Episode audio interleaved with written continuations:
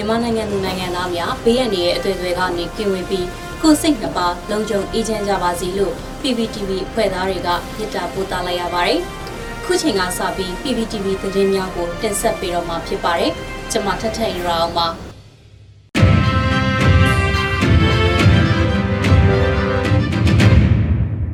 ပထမဆုံးအနေနဲ့တရုတ်ကွန်မြူနတီပါတီရဲ့အွန်လိုင်းအစည်းအဝေးကိုအမျိုးသားဒီမိုကရေစီအဖွဲ့ချုပ်ပါဝင်တက်ရောက်ခဲ့တဲ့တဲ့တင်ကိုတင်ဆက်ပေးမှာဖြစ်ပါတယ်။မနေ့ကပြုလုပ်ကျင်းပခဲ့တဲ့တရုတ်ကွန်မြူနတီပါတီနဲ့အာရှဒေသရင်းကနိုင်ငံရေးပါတီတွေရဲ့အွန်လိုင်းအစည်းအဝေးကိုအမျိုးသားဒီမိုကရေစီအဖွဲ့ချုပ် NLD ပါတီတက်ရောက်ခဲ့ပါတယ်။အကြံဖက်မြန်မာစစ်တပ်ဟာ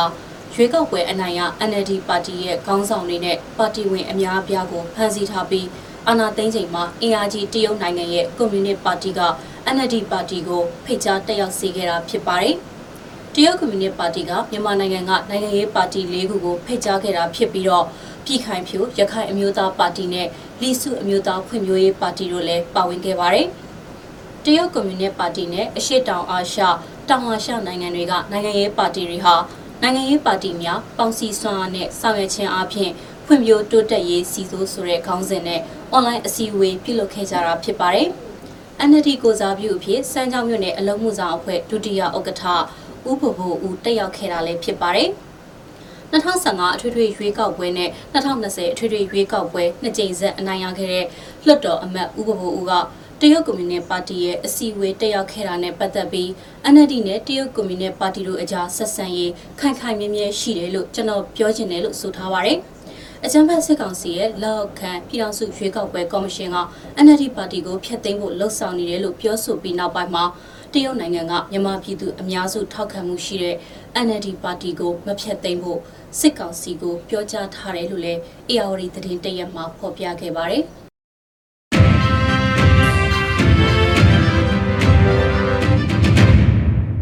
နိုင်ငံတော်ဝန်ထမ်းဆောင်နေကြတဲ့ဝန်ထမ်းတွေအနေနဲ့ပြည်သူလူထုနဲ့တသားတည်းရက်တည်နိုင်ရေးအလျင်အမြန်ကြိုးပမ်းဆောင်ရွက်ရမယ့်အချိန်ရောက်ပြီလို့အမျိုးသားညီညွတ်ရေးအစိုးရပြည်ထရေးနဲ့လူဝင်မှုကြီးကြပ်ရေးဝန်ကြီးဌာနကထုတ်ပြန်ခဲ့တဲ့သတင်းကိုဆက်လက်တင်ဆက်ပေးပါမယ်။နိုင်ငံဝန်ထမ်းတွေပြည်သူလူထုဘက်ကအမြန်ဆုံးရက်တည်ပေးနိုင်ဖို့ကြိုးပမ်းအားထုတ်ကြစေရေးနဲ့ပတ်သက်တဲ့ကြေညာချက်ကိုဝန်ကြီးဌာနကစက်တင်ဘာလ9ရက်မှာထုတ်ပြန်ခဲ့တာပါ။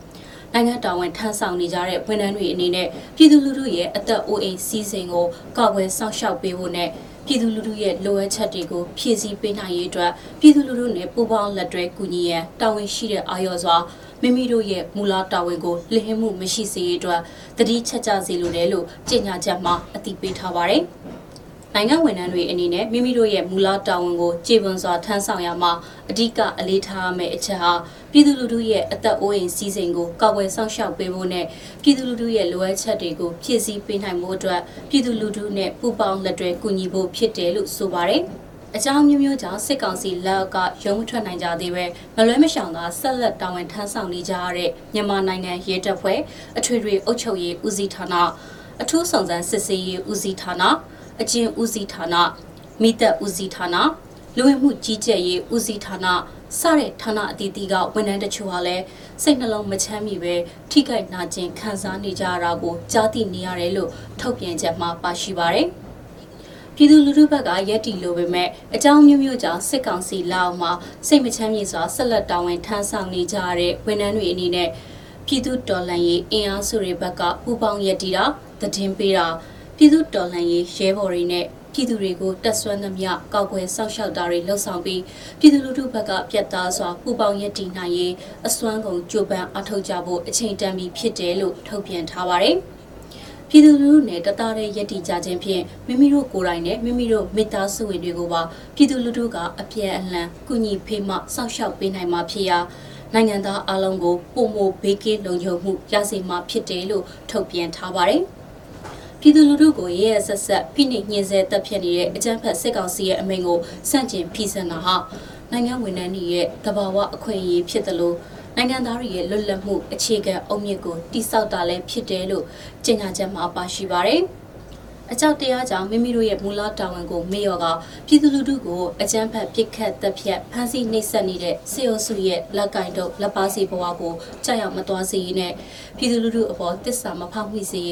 မိမိတို့ကိုယ်စွမ်းဉာဏ်စွမ်းရှိသမျှအားထုတ်ကြမှာဖြစ်တယ်လို့လည်းဖော်ပြထားပါတယ်။အာဏာသိမ်းအကြမ်းဖက်စစ်ကောင်စီရဲ့လက်အောက်မှာဆက်လက်တာဝန်ထမ်းဆောင်ကပြည်သူလူထုအပေါ်ရာဇဝတ်မှုတွေဆက်လက်ကျူးလွန်နေရင်ပြည်သူတော်လှန်ရေးတိုက်ပွဲအတွင်းပြည်သူရန်သူအဖြစ်တိုက်ခိုက်ချေမှုန်းခံရနိုင်တဲ့အပြင်ပြည်သူတော်လှန်ရေးတိုက်ပွဲပြီးဆုံးချိန်မှာလည်းတရားဥပဒေအရအရေးယူအပြစ်ပေးခံရမှာဖြစ်ရာလက်ရှိကာလအတွင်းပြည်သူလူထုဘက်မှပြတ်သားစွာပူပေါင်းရည်တည်နိုင်ရန်လိုအပ်တယ်လို့ထုတ်ပြန်ခဲ့ပါတယ်။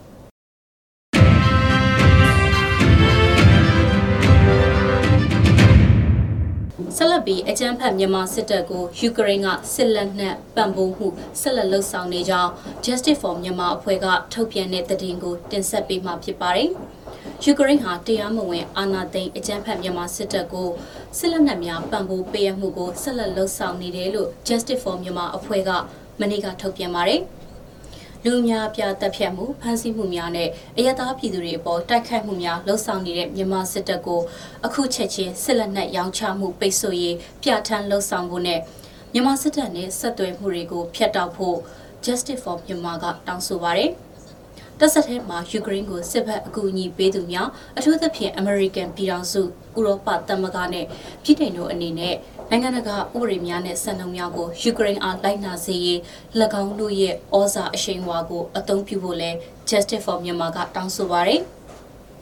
Justice for Myanmar ရဲ့လေ့လာမှုအရ2015ခုနှစ်ကစပြီးလေယာဉ်များတင်မောများတင်ကားအစိပ်ပိုင်းများကိုတင်ပို့ခဲ့ပြီးလေကြောင်းထောက်လှမ်းရေးရေဒါတွေကိုလည်းမြန်မာစစ်တပ်နဲ့ပုဂ္ဂလိကမြန်မာစစ်လက်နက်ပွဲစားများစီကိုပေးပို့ခဲ့တယ်လို့ဆိုပါတယ်။ယူကရိန်းအတွက်မြန်မာအကြီးဆုံးစစ်လက်နက်ပွဲစားဟာအောင်လိုင်းဦးဆိုသူဖြစ်ပြီးသူ့ကိုယူကရိန်းရဲ့မြန်မာနိုင်ငံဆိုင်ရာဂုဏ်ထူးဆောင်ကောင်စစ်ဝင်အဖြစ် ခန့်အချီးမြှင့်ထားကအဲ့ဒီယာရုကနေမဖြစ်မနေဖယ်ရှားမယ်လို့ Justice for Myanmar ကတောင်းဆိုပါတယ်